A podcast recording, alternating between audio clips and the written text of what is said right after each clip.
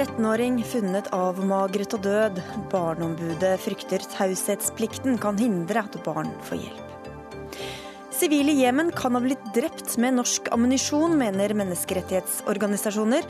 Norsk eksport av militært utstyr skjer innenfor regelverket, forsikrer Utenriksdepartementet. Flertallet i Bioteknologirådet vil tillate forskning på genmodifiserte embryoer. Første steget mot designbabyer, advarer KrF. Og terningkast på regjeringsmedlemmer er den dummeste øvelsen innen politisk journalistikk, mener én eks-statsråd. Kan være både treffende og underholdende, sier en annen, som selv har fått terningkast to.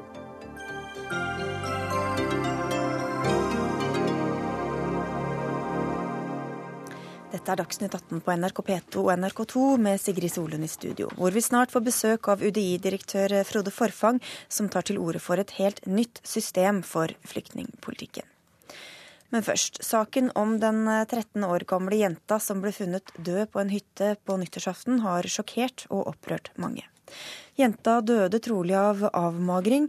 Moren i 40-årene er siktet for grov omsorgssvikt med døden til følge, og for å ha unnlatt å hjelpe datteren. Hun fremstilles for varetektsfengsling i morgen.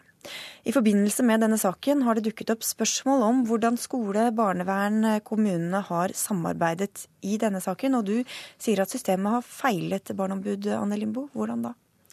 Nei, det er klart at når en 13 år gammel jente dør på denne måten, så er det helt åpenbart at eh, sikkerhetsnettet rundt henne på et vis har eh, sviktet. For det er jo flere hjelpeinstanser som har kjent til den jenta. Så dette skal jo egentlig ikke skje. Og så er det selvfølgelig altfor tidlig å konkludere med hva som har skjedd i denne saken. Men jeg er veldig glad nå for at både politiet og også fylkesmennene både i Oslo og Akershus og i Oppland går inn og snur hver eneste stein for å finne ut hva som har sviktet i denne saken. Som du sier, så er det ingen inntil videre som vet akkurat hva som har skjedd her. Så vi skal, trenger ikke å gå nærmere inn på akkurat selve denne saken, men vi kan følge opp det prinsipielle, og hvordan ulike etater som blir koblet inn når et barn ikke har det bra, gjør jobben sin. Elisabeth Gordingstang, du er eh, førsteamanuensis ved Høgskolen i Oslo og Akershus og har forsket på barnevernet. Og stadig vekk hører vi om saker der etatene ikke fanger opp barn som har problemer. Hvorfor er det sånn? Ja, det er veldig fortvilende at hver gang faktisk vi får en sånn stor tragedie med et barn som er utsatt for en ulykke, vold eller overgrep, eller som dør, så får vi i etterkant av de sakene en stor debatt om hvem visste hva, og hvorfor snakket de ikke sammen, og hvorfor handlet de ikke. Eh, og Det er selvfølgelig vanskelig å gi én forklaring på det. Det er jo forskjellig fra sak til sak også hva det skyldes. Men disse debattene, vi må begynne å spørre oss selv også hvorfor får vi disse, de samme debattene hver gang. Eh, og Sett fra mitt ståsted som jurist så tenker jeg at det er i hvert fall ett sted hvor det går an å gripe tak, og det er jo i regelverket. Og NOVA publiserte for tre år siden en rapport om om dette, om praktiseringen av taushetspliktreglene og, og reglene om opplysningsplikt og opplysningsrett. Og dette er et veldig kompleks, komplekst regelverk. Det er veldig mange regler. De sprer seg over 14-15 forskjellige lover. Og i hver av disse lovene står det ulike regler, og de har ulik utforming. Helsepersonell har andre regler knyttet til adgangen til å dele informasjon enn f.eks. ansatte i forvaltningen. Dette gjør det veldig vanskelig å samarbeide. Det gjør det også vanskelig for den enkelte ansatte å få oversikt over hvilke regler gjelder for meg, og hvilke regler gjelder for de som jeg skal sitte på møte med i morgen. Og, og, og, adgangen til å gi fra seg taushetsbelagt informasjon, det er en ganske romslig avgang for det for de som er ansatt i f.eks. barnevern, skole, Nav. Men folk er ikke klar over det. Ja, ut fra de undersøkelsene som du har kjennskap til, hvor mye vet hver enkelt lærer, hver enkelt sykepleier, barnehageansatt osv. om hva de kan gjøre og hva de må gjøre? Veldig variabelt. Veldig forskjellig. Eh, det er store variasjoner, så det går ikke an å si liksom sånn helt generelt. Men vårt inntrykk ut fra de informantene vi hadde her, var at eh, det er mangelfull kunnskap, og det er bekymringsfullt. Folk er ikke klar over når de kan dele, og når de må dele informasjon med andre. Og når man blir litt usikker, så blir man jo veldig redd for å gjøre feil. og man er redd for å bryte taushetsplikten, og man vet at det kan være straffbart. ikke sant? Så da blir det litt til konsekventen at man sitter på hver sin lille tue og har en liten flik av barnets virkelighet, og den eneste som egentlig har det hele bildet, er barnet selv. Så sånn, dårlig samarbeid, dårlig kommunikasjon og dårlig kunnskap. Ja, så jeg tenker mange. at Noe av det man kan gjøre, er jo å se på hele regelverket totalt sentralt for å forenkle hele regelverket og revidere det. det. Og det tror jeg kanskje man er i ferd med å gjøre noe med. Jeg håper det. Ja, vi kan høre med deg, barne-, likestillings- og inkluderingsminister Solveig Horne. og Vi vil sikkert alle si det er mye som fungerer godt innen mange av disse etatene, og mange som gjør veldig mye bra. Men så hører vi som sagt om svikt gang på gang.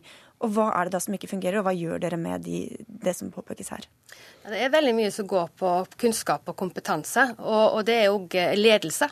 Eh, er at alle kommuner skal ha et forsvarlig barnevernsapparat i kommunen sin, og det er at både ordfører og rådmann engasjerer seg i dette og, påser at kommunene har et barnevern som fyller det regelverket og lovverket som vi har der i dag.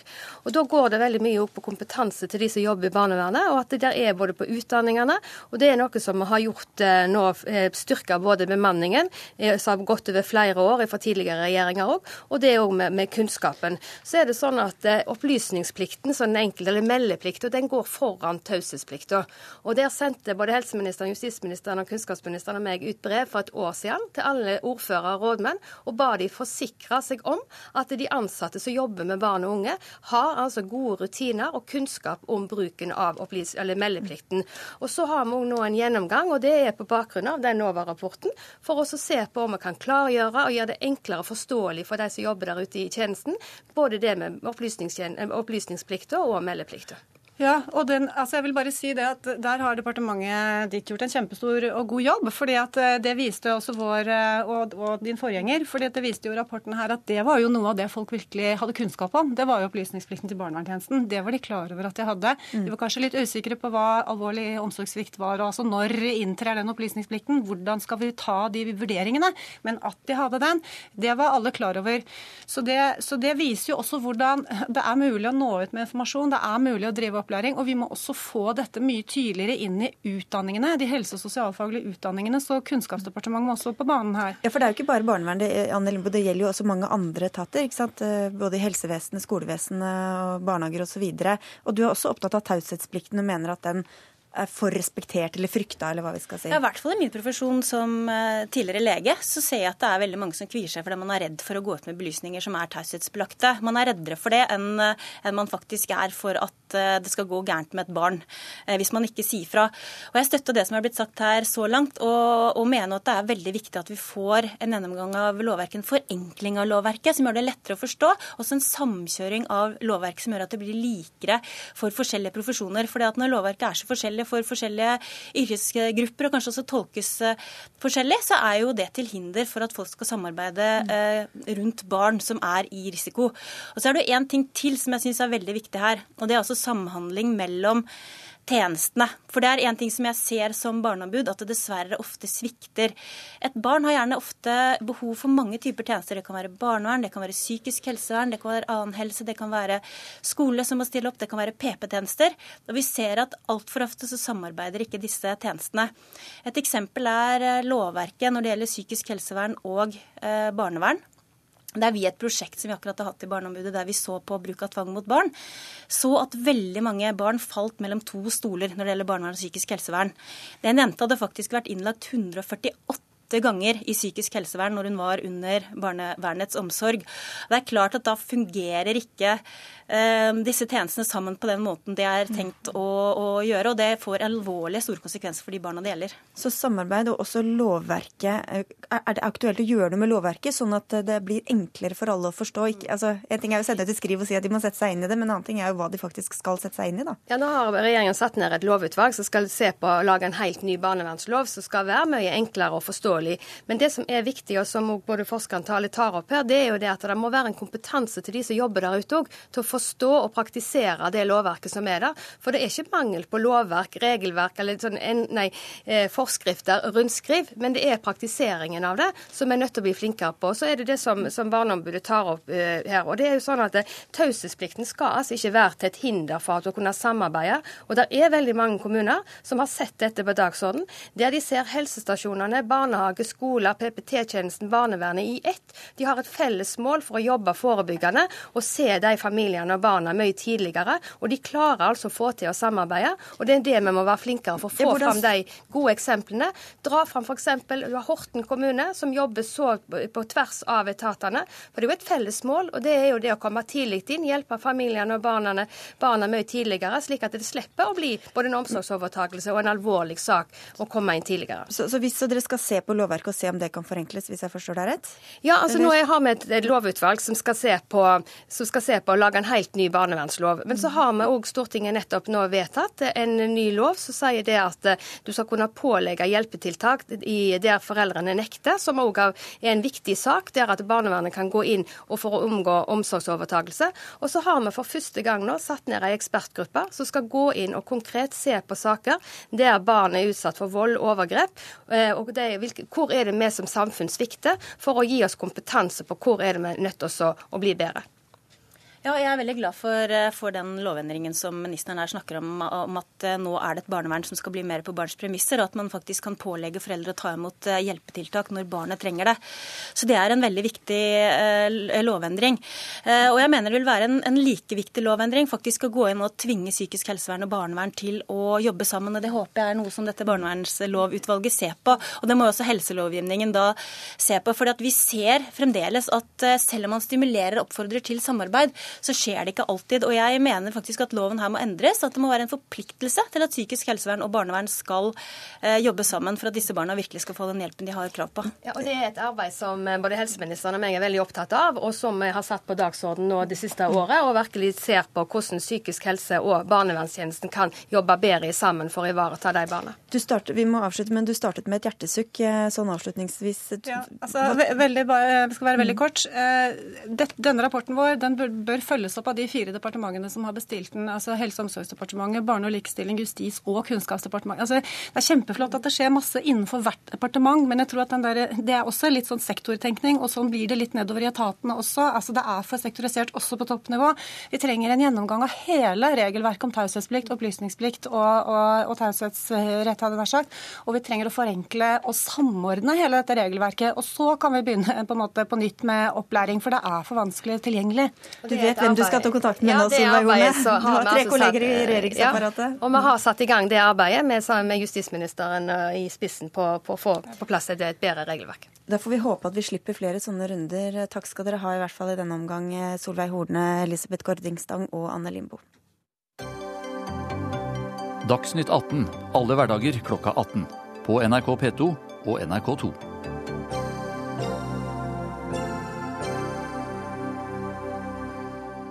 Norge kan være involvert i krigsforbrytelser i den pågående krigen i Jemen. Det sier flere humanitære organisasjoner til Dagbladet i dag. Grunnen er at Norge eksporterer militært utstyr til Saudi-Arabia, De forente arabiske emirater, Qatar og Kuwait. Alle deltar i krigen i Jemen, der sykehus, skoler og nabolag er truffet av bomber. Ifølge FN ble flere enn 27 000 sivile drept i konflikten der mellom slutten av mars og slutten av oktober i fjor. Line Hegna, du er kommunikasjonssjef i eh, Redd Barna. Hvorfor mistenker dere at norsk utstyr er, eh, blant, eh, er, involvert i disse krigsforbrytelsene? Det er fordi at Norge selger våpen, som du innledet med å si, våpenmateriell til disse landene. Og vi har ingen innsyn i, eller får noen, noen bekreftelser fra norske myndigheter som gjør oss trygge på at Eh, at, disse ikke bidrar til å drepe barn i Jemen. Når vi begynte å se på dette, så var det fordi at vi ser at eh, nesten tre fjerdedeler av alle barn som eh, har blitt drept i Jemen siden krigen eskalerte i mars, og som har, det er over 600 som har blitt drept og over 900 som har blitt lemlestet, de blir faktisk drept og lemlestet av eksplosiver, altså bomber, som den saudiledede koalisjonen slipper. Og så lenge Norge eh, selger våpenmateriell til disse, så er det veldig bekymringsverdig. Tore Hatrem, du er statssekretær i Utenriksdepartementet og snakker da på vegne av regjeringa. Kan norske materiell ha, bidratt til krigsforbrytelser?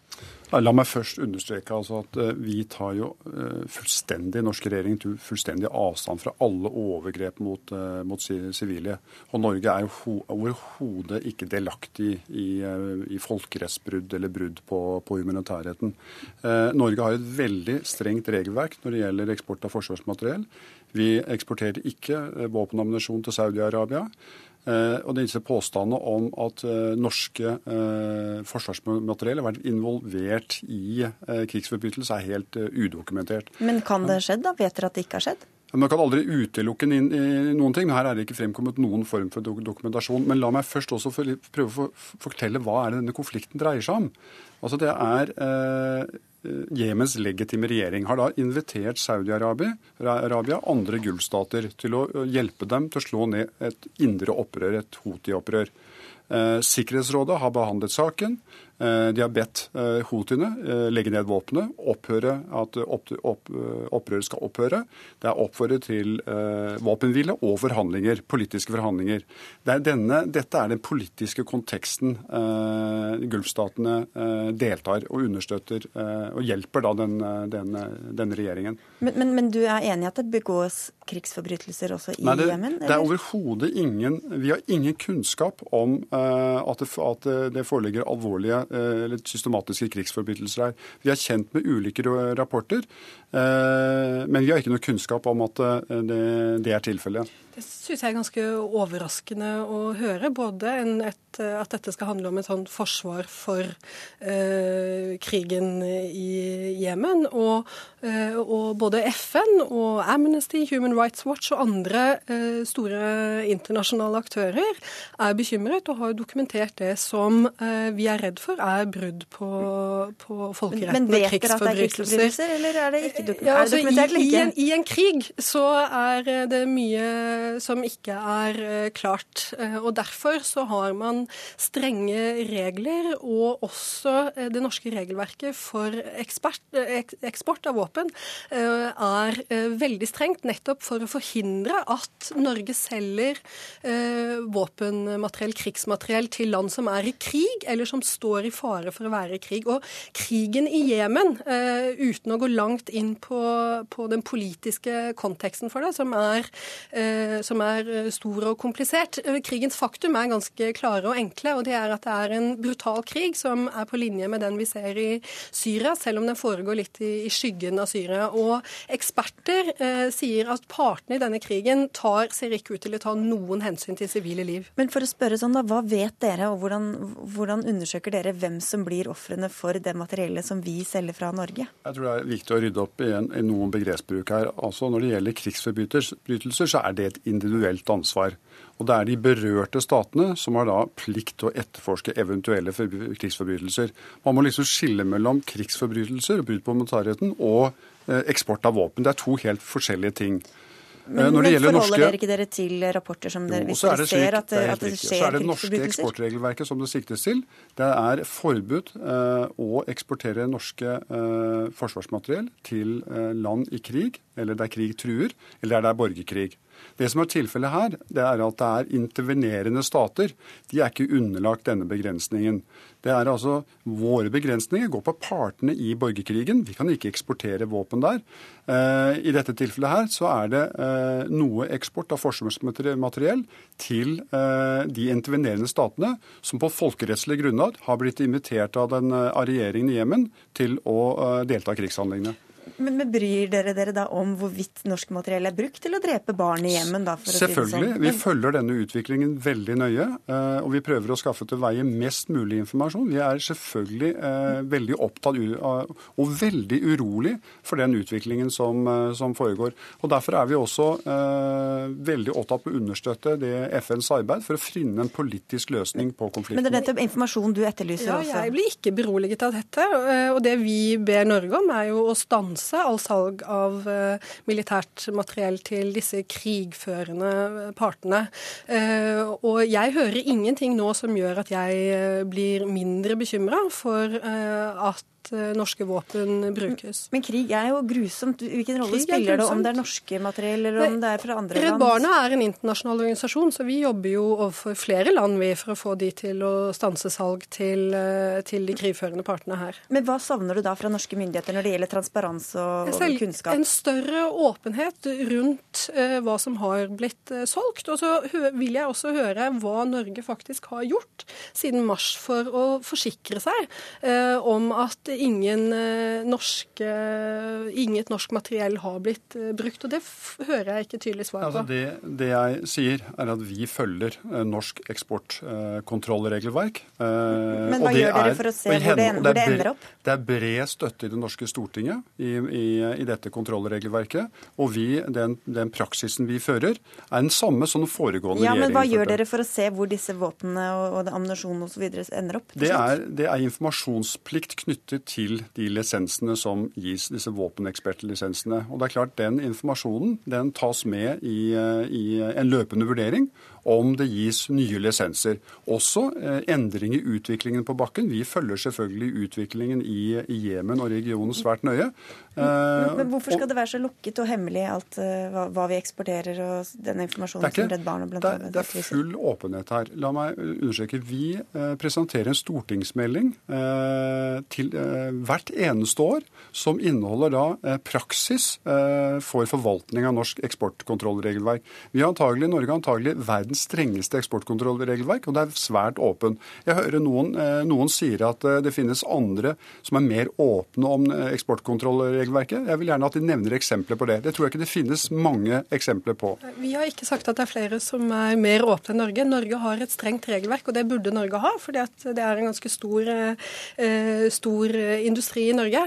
Eh, men Stortinget, en bekymring vi har, er at Stortinget faktisk ikke har god nok kontroll og innsyn. og Det har også eh, partier på Stortinget tatt til orde for og vært bekymret og ønsket annen, et annet innsyn i de materielle som ligger bak stortingsmeldingene som kommer hvert år, og rapportene. Så større åpenhet ønsker vi oss. Vi er nødt til å avslutte der, men si tusen takk for at dere kom begge to, Tore Hatrem fra UD og Line Hegna fra Redd Barna. Takk.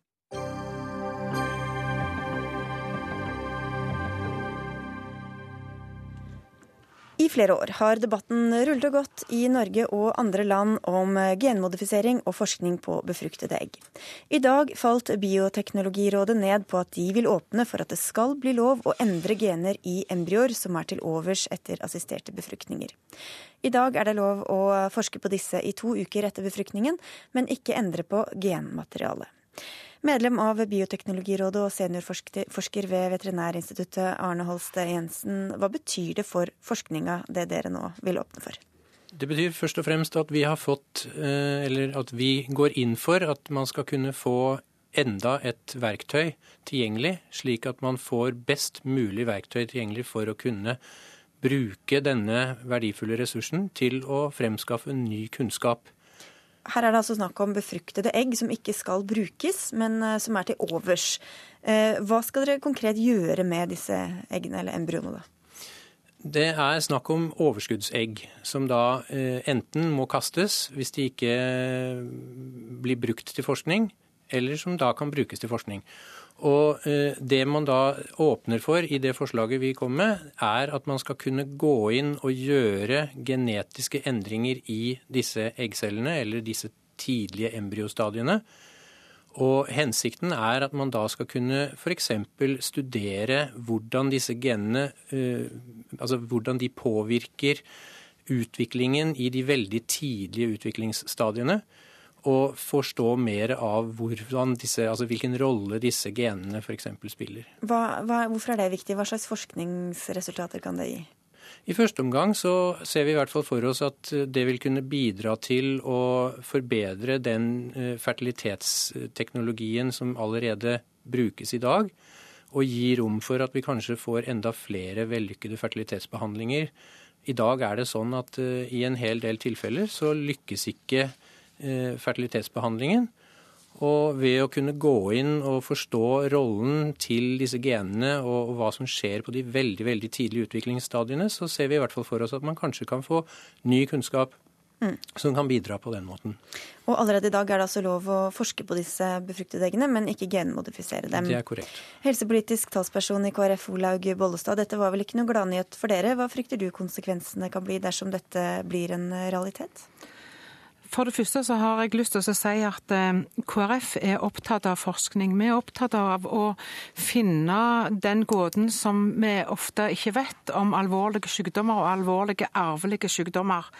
Men samtidig så handler dette òg om en ramme. Og når en åpner for å genmodifisere befrukta egg, så må det ha et formål og et mål.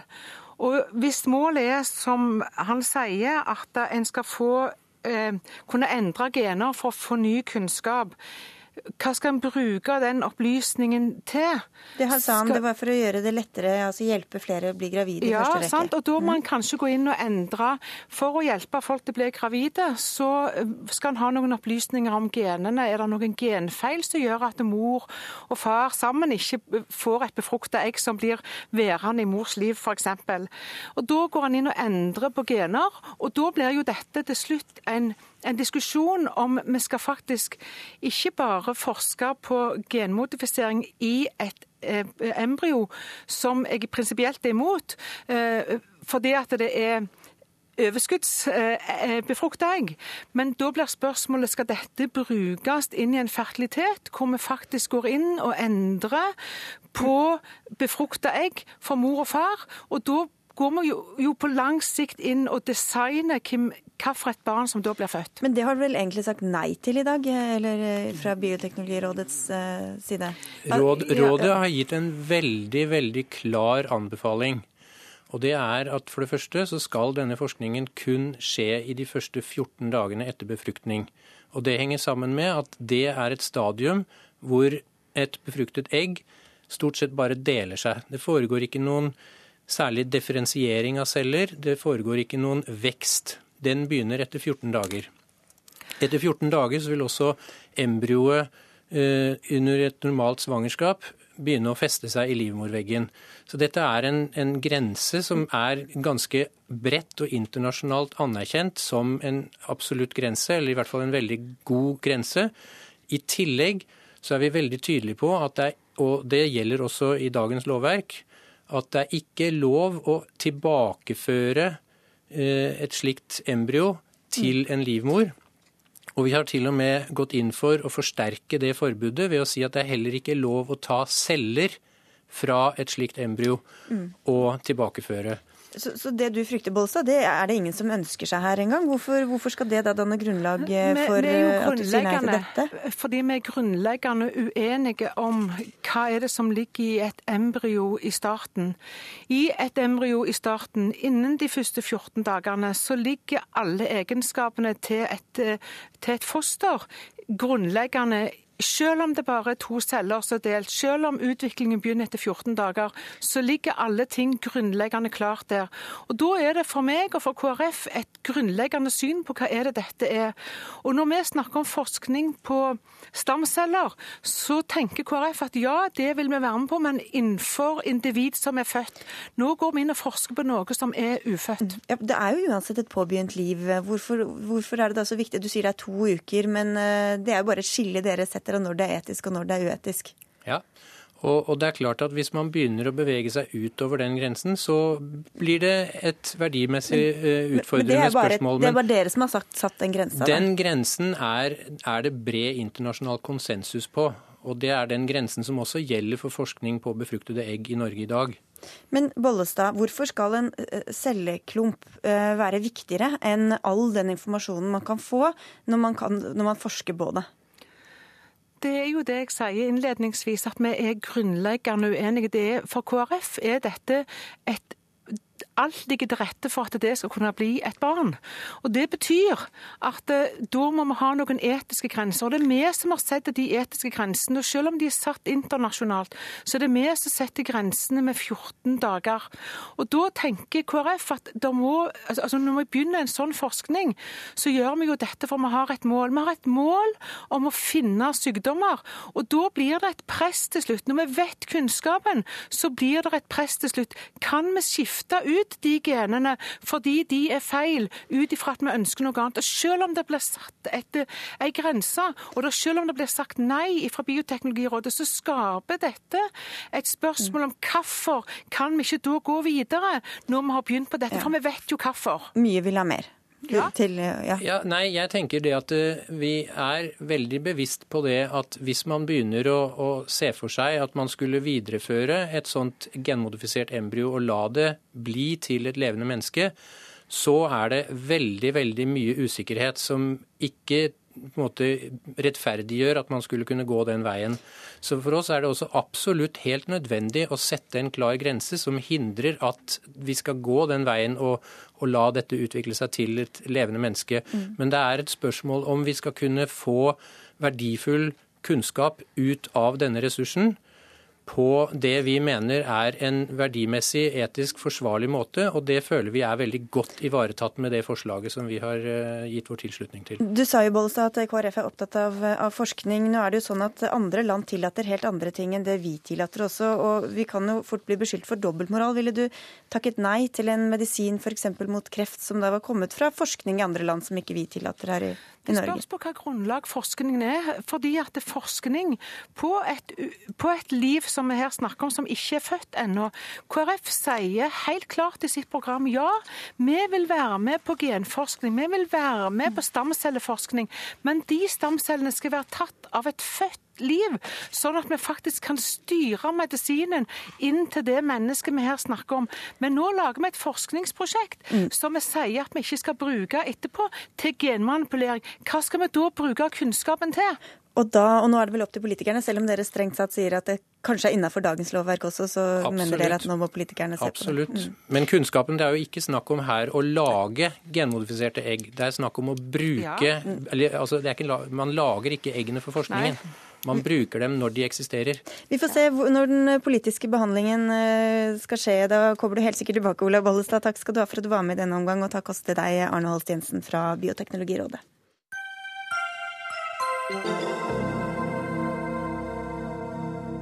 Er dagens asyl- og flyktningsystem bærekraftig? Hva om vi tenker helt nytt om hvordan europeiske land skal ta imot mennesker i nød?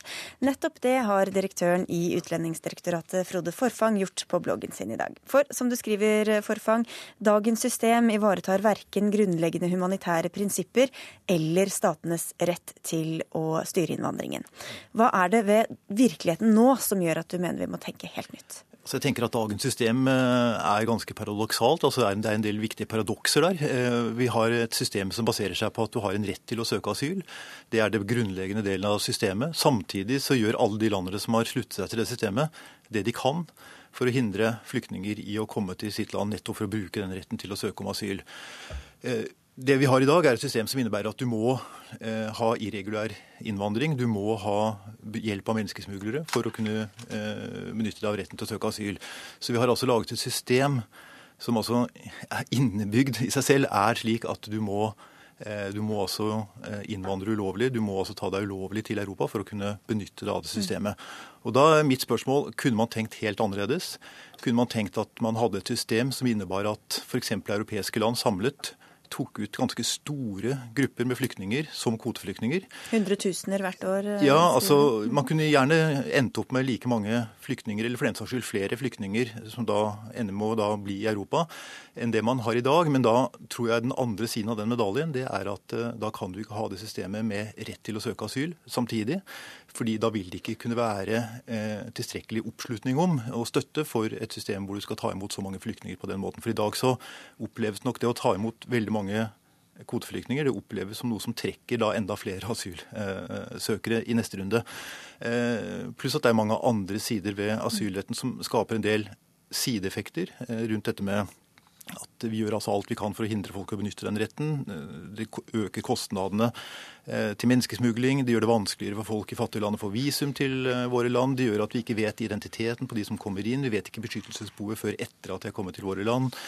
Eh, og jeg tror også at det er med på å nære opp under, eh, opp under fremmedfrykt, fordi folk opplever at eh, systemer sånn som det er nå, det gjør at man har ikke noen kontroll på innvandringen. Så det er mange ting ved dagens system som er problematiske, og som kunne vært bedret, eh, men på en måte som ivaretar også eh, behovet for, for, å beskytte flyktninger. Men hvordan skulle dette fungert i praksis, da? Det er, klart, altså, det er klart at jeg har sådd en tanke. Mm -hmm. og det er klart at fra en tanke til en realitet så er det en lang og ganske så kronglete vei. Så dette er jo ikke noe enkelt å realisere. Men jeg tror at er det noe tidspunkt hvor kanskje eh, situasjonen eh, er moden for å diskutere dette, så er det akkurat nå. fordi nå har vi vært gjennom et år som kanskje mer enn noe annet år har illustrert svakhetene ved det systemet som vi har. Men eh, blir det egentlig da bare at vi i praksis skulle tatt imot mange flere av de som vi i dag, eh, som du sier, heter kvoteflyktninger, men stengt asylinstituttet? Er det egentlig bare det det er snakk om? Altså, jeg tror ikke du kan ha kvoteflyktninger på toppen av asylinstituttet. Det tror jeg ikke er gjennomførbart. Men det man kunne, så min tanke er at Eh, la oss si at man bestemmer seg for at man skal ta Europa samlet et stort antall flyktninger. Man skal ta et stort ansvar for verdens flyktninger. Men få dem inn i regulerte former. Eh, man vurderer da flyktningene på forhånd før de kommer inn. Man vurderer altså beskyttelsesbehovet, man vurderer identiteten. Man sikrer at det er de mest sårbare og de med mest akutt behov for beskyttelse som kommer inn. Det tenker jeg er et godt system på flyktninger, men det kan ikke kombineres med eh, retten til eh, å kunne søke asyl på den måten som den retten fungerer i dag. Og Det er, den, det, dilemmaet og de paradoksene ved dagens system eh, som jeg prøver da å belyse i, denne, i, dette innlegget. For i dag er det sånn at asylinstituttet utløser ganske mange rettigheter, men det kan jo sies å være ganske tilfeldig om det, om det faktisk er de som har størst behov, som får sjansen til å søke om asyl, eh, Anne Margrethe Austen, og du er generalsekretær i Norsk eh, organisasjon for asylsøkere. Hva tenker du da om høyttenkninga til Forfang her? Jeg syns det er uh, positivt at han, at han, tenker høyt, nettopp ut ifra den posisjonen han sitter i og de erfaringene han gjør uh, med det. Det som jeg syns er uh, farlig, er åpningen for å avgrense asylinstituttet, altså retten til å, å søke beskyttelse. For det han beskriver er jo Det eksisterer jo i dag, bortsett fra at det fungerer ikke. Eh, altså det er leirer i, eh, i, Jordan, i Libanon, i Tyrkia, i Etiopia, i eh, mange deler av verden hvor det sitter veldig mange som skulle vært helt andre steder, og som definitivt trenger det. Men, men... Så, så hvordan få virkemidlene som gjør at flere land ser seg tjent med det, og gå inn aktivt og hente ut og ta sin del av ansvaret før folk står på dørterskelen deres. Men, men, kan ikke det være nettopp som han sier, at, folk, at, land kvier seg for å ta imot veldig mange kvoteflyktninger fordi at de tror at det kan utløse et slags ras av asylsøkere samtidig?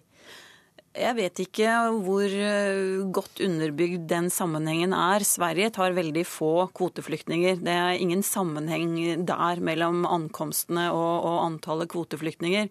Og også andre land som Østerrike og, og, andre land i Europa tar veldig få kvoteflyktninger, men får nå en stor andel av asylsøkerne. Så jeg vet ikke om den sammenhengen er der. Jeg tenker at um, FNs høykommissær for flyktninger, Guterres, har etterlyst uh, mer en, en sammenheng mellom om migrasjon som en del av den internasjonale infrastrukturen og de internasjonale instrumentene som Verdensbanken og pengefondet. Altså hvordan, hvordan, brukes slike virkemidler i nærområdene og i forhold til land som tar flyktninger og bidrar inn i integrering. Jeg tror vi, må, jeg tror vi er nødt til å tenke økonomiske instrumenter for å få smurt et slikt system. Men bevare asylinstituttet også. Så. Ja. Ja, altså jeg tror ikke at eh, det at eh, det tas inn kvoteflyktninger er en viktig grunn til at det også kommer mange asylsøkere i dag. Eh, det tas jo heller ikke ut så veldig mange kvoteflyktninger i de fleste land. Det er jo egentlig ganske små tall som opereres med der.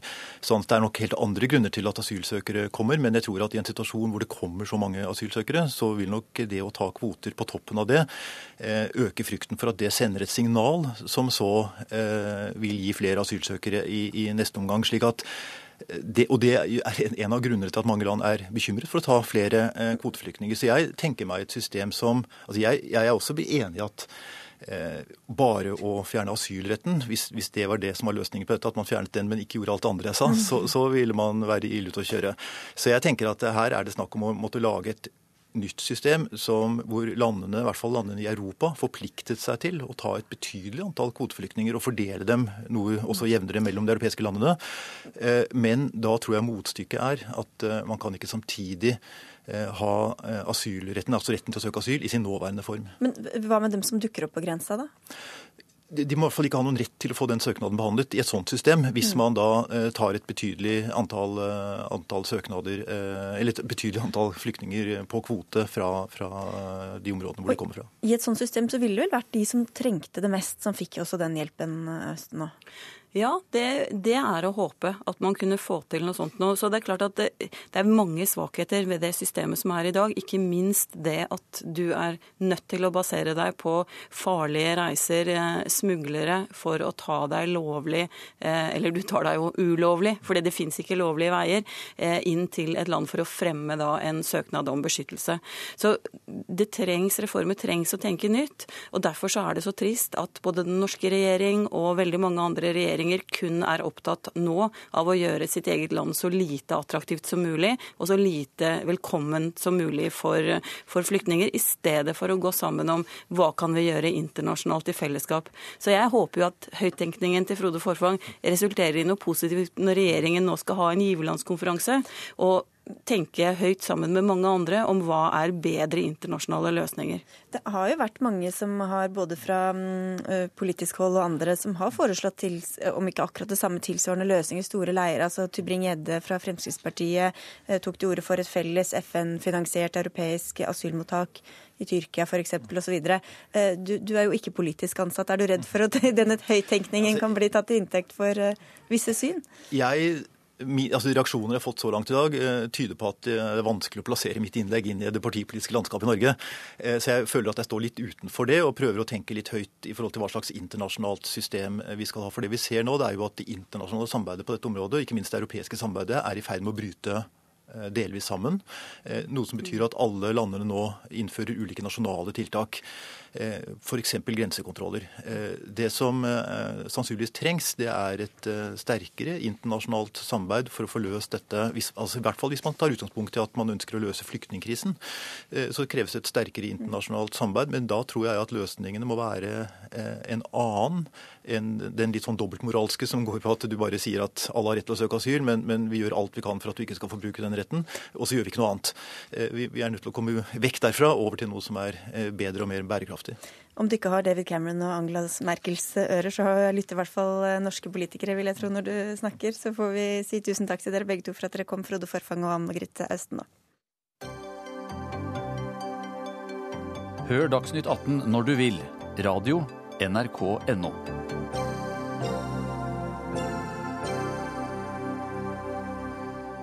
Pressen kan være nådeløs, men et par ganger i året blir dette ekstra synlig når karakterene til alle statsrådene deles ut i flere aviser.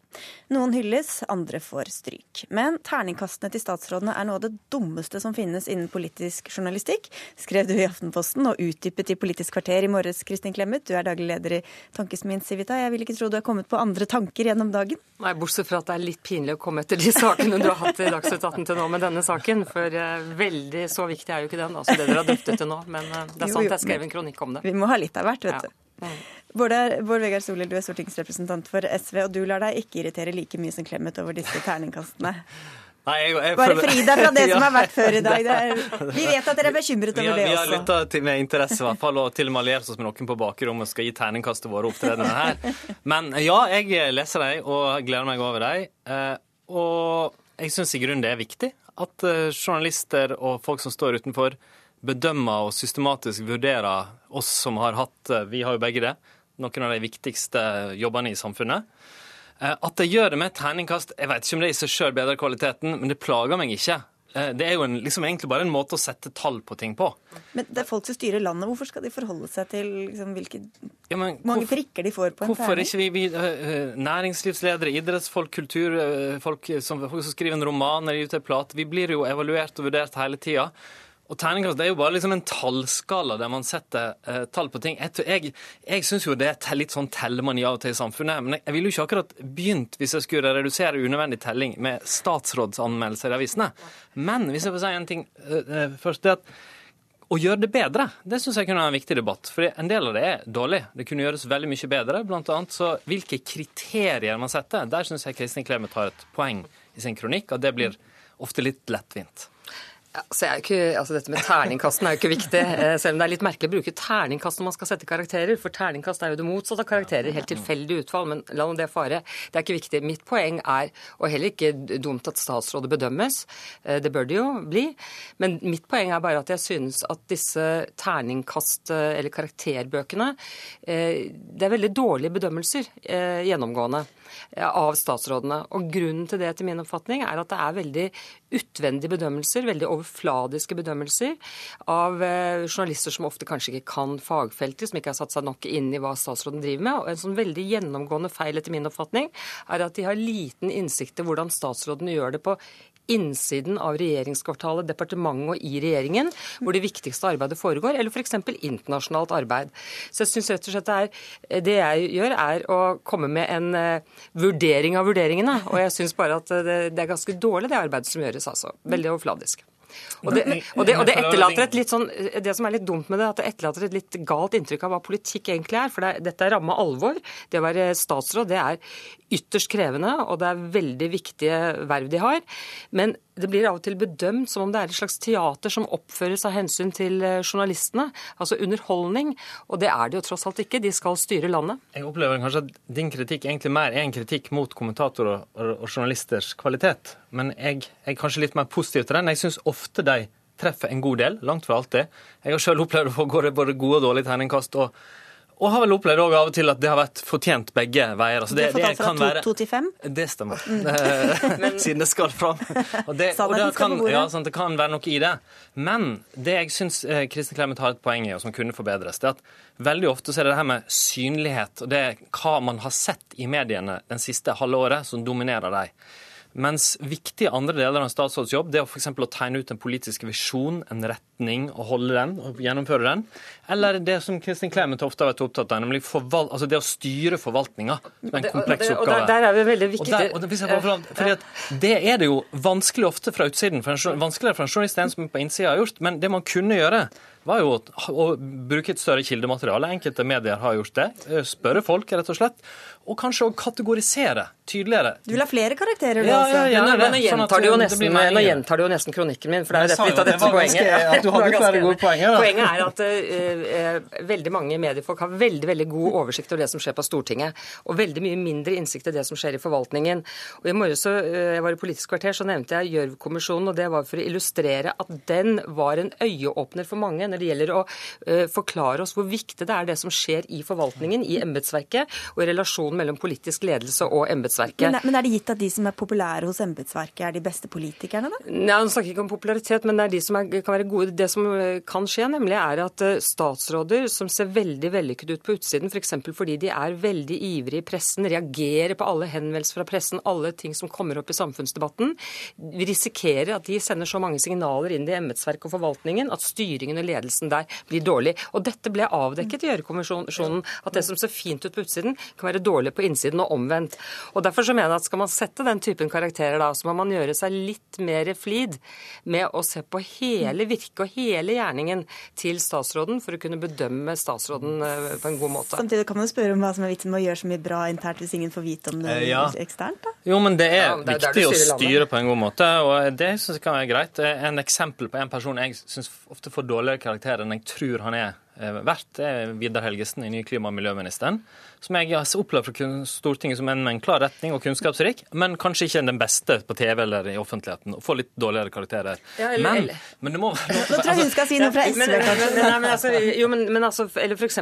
Tine Sundtoft, som fikk så en eller annen avis hvor hun tok på seg cowboybootsen og sjarmerte utenriksministeren i Frankrike. Og når hun kommer hjem, så skifter hun personlighet. Det hun har gjort, hun har reist rundt et år eh, i ferier og fridager og på hverdager og over hele verden for å forberede Paris, og ingen har lagt merke merke til det. Men samtidig, så, har, så vært, litt... samtidig har, hun ikke fungert særlig godt i den politiske debatten i Norge. Og, litt, og gått på nederlag har fungert veldig godt internt i departementet. Det, det, ja, men det hjelper jo ikke om du fungerer godt internt i departementet hvis du ikke samtidig klarer å overbevise Stortinget, vinne politiske seier internt i regjeringa, få det ut til velgerne. Politikk handler om det òg. Eh, det gjør det, men det som virkelig er ille, er at det fungerer veldig godt utad i Kina. Til at dere var, jeg syns det var helt uviktig, så må dere si dere var ganske Vi slutter med liksom å kjefte på tegningkastene, heller kreve at det blir gjort med større kvalitet, legge større ressurser i, så det blir bedre. Det var det jeg skrev i kronikken min. så bra. Nå, må jeg, nå fikk jo dere sitte og karakterisere journalistene, som jo er eh, fantastisk sikkert. Men jeg må jo spørre deg også til slutt, da, Kristin Clemet, hva slags karakterer du pleide å få?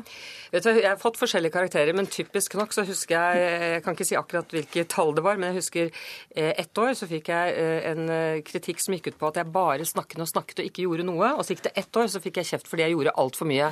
Og det er liksom sånn Da viser man at begge bedømmelsene synes er litt svake. Kanskje du ble flinkere til å gjøre mer etter hvert? Nei, men, ja, ja. men man skal forberede seg vet du, før man gjør Ikke sant? Vi stopper der og sier tusen takk for at dere kom, begge to, Kristin Clemet og Bård Vegar Solhjell.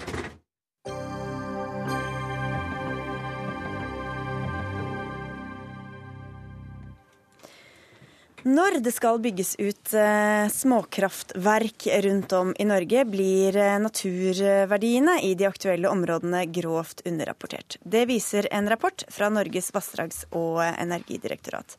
Det er kraftutbyggerne selv som har ansvaret for å kartlegge det biologiske mangfoldet i området det skal bygges, og de velger selv hvilket konsulentselskap som skal gjøre jobben. Hvis de finner rødlistede arter, og sårbar natur, kan det sette en stopper for planlagte kraftutbygginger. Rune Flatby, avdelingsdirektør i NVE. Hva viser rapporten deres om hvor god denne selvrapporteringen fra småkraftverkene er om flora og naturtyper i elver der det er planlagt småkraftverk? Ja, først har jeg lyst til å si at Vi har fått laget denne rapporten nettopp for at vi mente det var mulighet for å gjøre forbedringer her. Og vi har sett at vi har vært nødt til å be om en del tilleggsutredninger. Dere mistenkte at det ikke var helt uh... Vi har sett at det var mulig å gjøre forbedringer, og så har vi brukt uh, blant Norges beste eksperter på dette området til å gjøre en rapport og etterprøve en del av disse rapportene. Og denne rapporten viser at uh, det er eh, underrapportering. Det er en del rødlistearter som ikke finnes. Det finnes uh, ikke, det er naturtyper, viktige naturtyper som ikke finnes, og at det, det er varierende kvalitet og til dels ganske store avvik i forhold til hva som etterpå har blitt funnet. Altså Når dere har testa det, så har dere funnet langt flere utrydningstruede arter enn det kraftselskapene selv har oppgitt gjennom sine rapporter? Nettopp. Og, men da har jeg lyst til å understreke en ting at uh, som underlag for konsesjonssaker, så er det jo ikke bare disse rapportene som ligger til grunn. Vi har brede høringer med de berørte. Mm. Vi har uh, befaringer. Så det er, det er, mye bredere beslutningsgrunnlag som ligger til grunn for en konsesjonsvedtak enn bare denne ene rapporten. Ok. Knut Olav Tveit, du er daglig leder i Småkraftforeninga. Hvordan stiller dere dere til denne rapporten fra NVE? Vi ser jo at uh, dette godt kunne vært gjort bedre, vi også. At man uh, det, det, er jo sånn at Man uh, søker om en konsesjon, og det er mange forskjellige forhold som skal utredes. Uh, Bl.a. ressursgrunnlag, konsekvenser for naturen, teknisk beslutningsgrunnlag. og mm, her ser vi at det er en del ting som ikke er fremkommet i de biologiske rapportene som vi har kjøpt. Vi går ut i et marked og kjøper fra en rekke ulike biologiske firmaer. Jeg tenker jo at Det beste NVE kunne gjøre nå, det var jo å samle denne bransjen og gå igjennom hvilket nivå man skal ligge på, mm. og, og så ta det derfra. Jeg vil også understreke at vi har jo tillit til NVEs konsesjonsbehandling. Og vi vet jo at NVE ofte stiller tilleggsspørsmål. Og dermed får det beslutningsgrunnlaget de trenger. Mm. Det er også sånn at alle konsesjoner er ute på bred høring i samfunnet. Kommuner, fylke, fylkeskommuner, den type ting. Og også Naturvernforbundet f.eks., som også er til stede her, har jo full anledning til å si hva de syns underveis.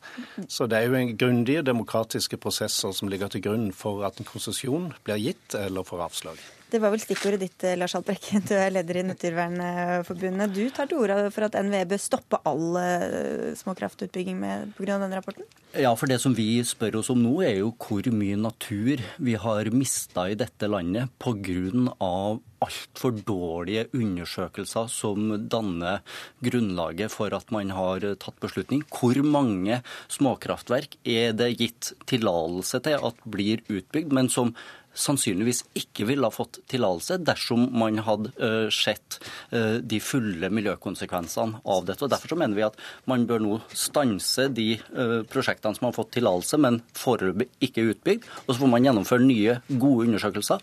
Og så får man også sørge for at de som er til behandling, at det blir gjennomført grundige undersøkelser også der. Kan NVE vite at ikke det er bygget ut kraftverk som har gått utover utrydningstruede arter eh, uten at det er blitt Det kan vi ikke være 100 sikre på, men vi har et, eh, et ganske bredt kunnskapsgrunnlag når vi fatter avgjørelser. Som sagt, Vi har disse utredningene pluss eh, høringer, befaringer. Men det er mer meninger Nei, det det andre er fag, blant annet. Fylkesmannens eh, miljøvernavdeling som høringspart. Vi har egen kompetanse på dette området når vi er på befaringer.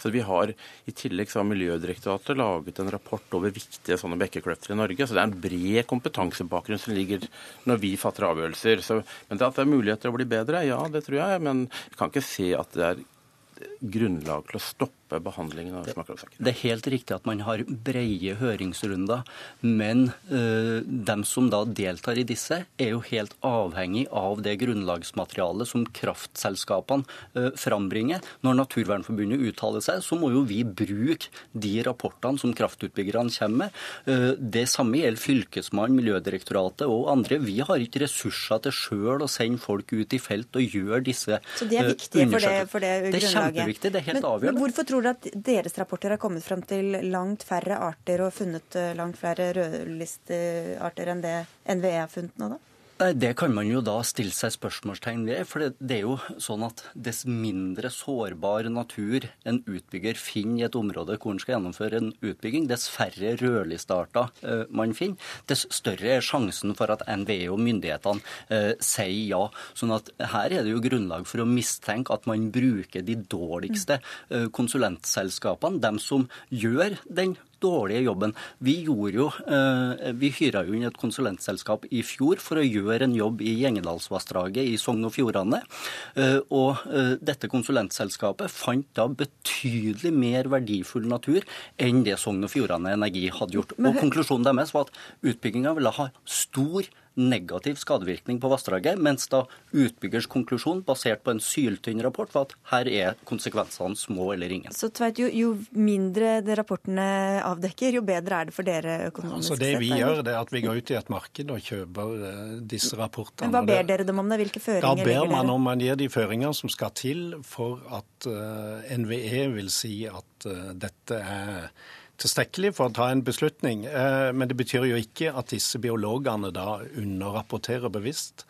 Det er sånn at den rapporten, nye rapporten fra NVE som er bestilt eh, og betalt derfra, den er jo levert av noen som er spesialister på ett område, det er å finne disse rødlisteartene. Og de har lett eh, grundig, og de har funnet flere, og det må vi ta på alvor.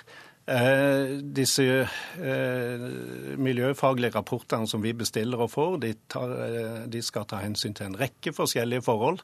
Ikke bare, det klart, dette med Ikke bare dette. sånn. Sånn at det er egentlig to forskjellige ting vi snakker om. Det betyr ikke at vi ikke skal ta det på alvor.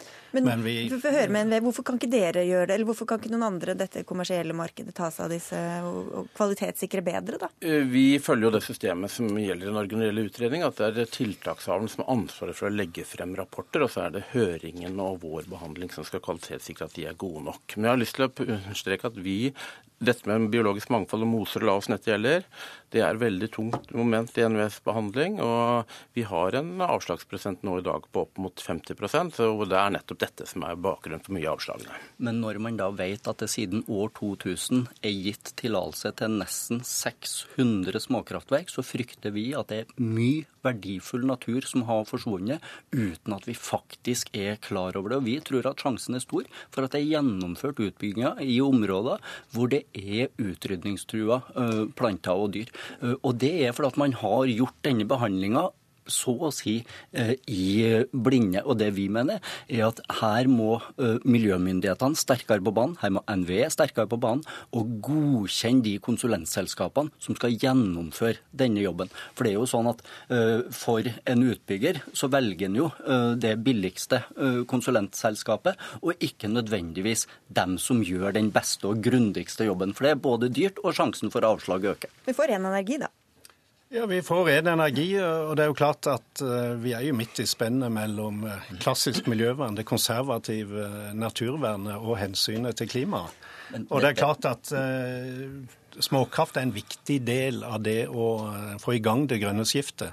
Eh, og det å bygge et småkraftverk, ja, det er et naturinngrep, men man får veldig mye igjen. Men vi, vi løser ikke, vi løser ikke Nei, klimaproblemet vi- vi ved å øke utryddelsen av plante- og dyrearter som utgjør selve livsgrunnlaget for oss mennesker på kloden. Og Da er vi i den klassiske konflikten. Vi har 20 sekunder igjen og bare høre med NVE om hvordan dette følges opp videre nå, da, etter denne rapporten. Ja, først, Denne rapporten i seg selv er en veldig viktig veileder for aktørene. De skjønner at det lønner seg å lage gode rapporter.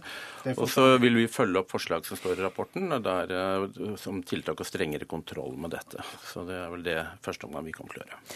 Og vi får bare si tusen takk for at alle tre kom til Dagsnytt 18. Er Lars Haltbrekken fra Naturvernforbundet, Knut Olav Tveit fra Småkraftforeninga og Rune Flatby fra NVE. Dagsnytt 18 er tilbake i morgen eh, som vanlig klokka 18. Dagens sending er over. Det var Ida Tune Øretsland som hadde ansvaret for den.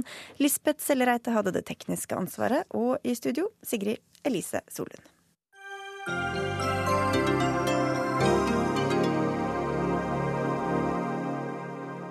Hør flere podkaster på nrk.no podkast.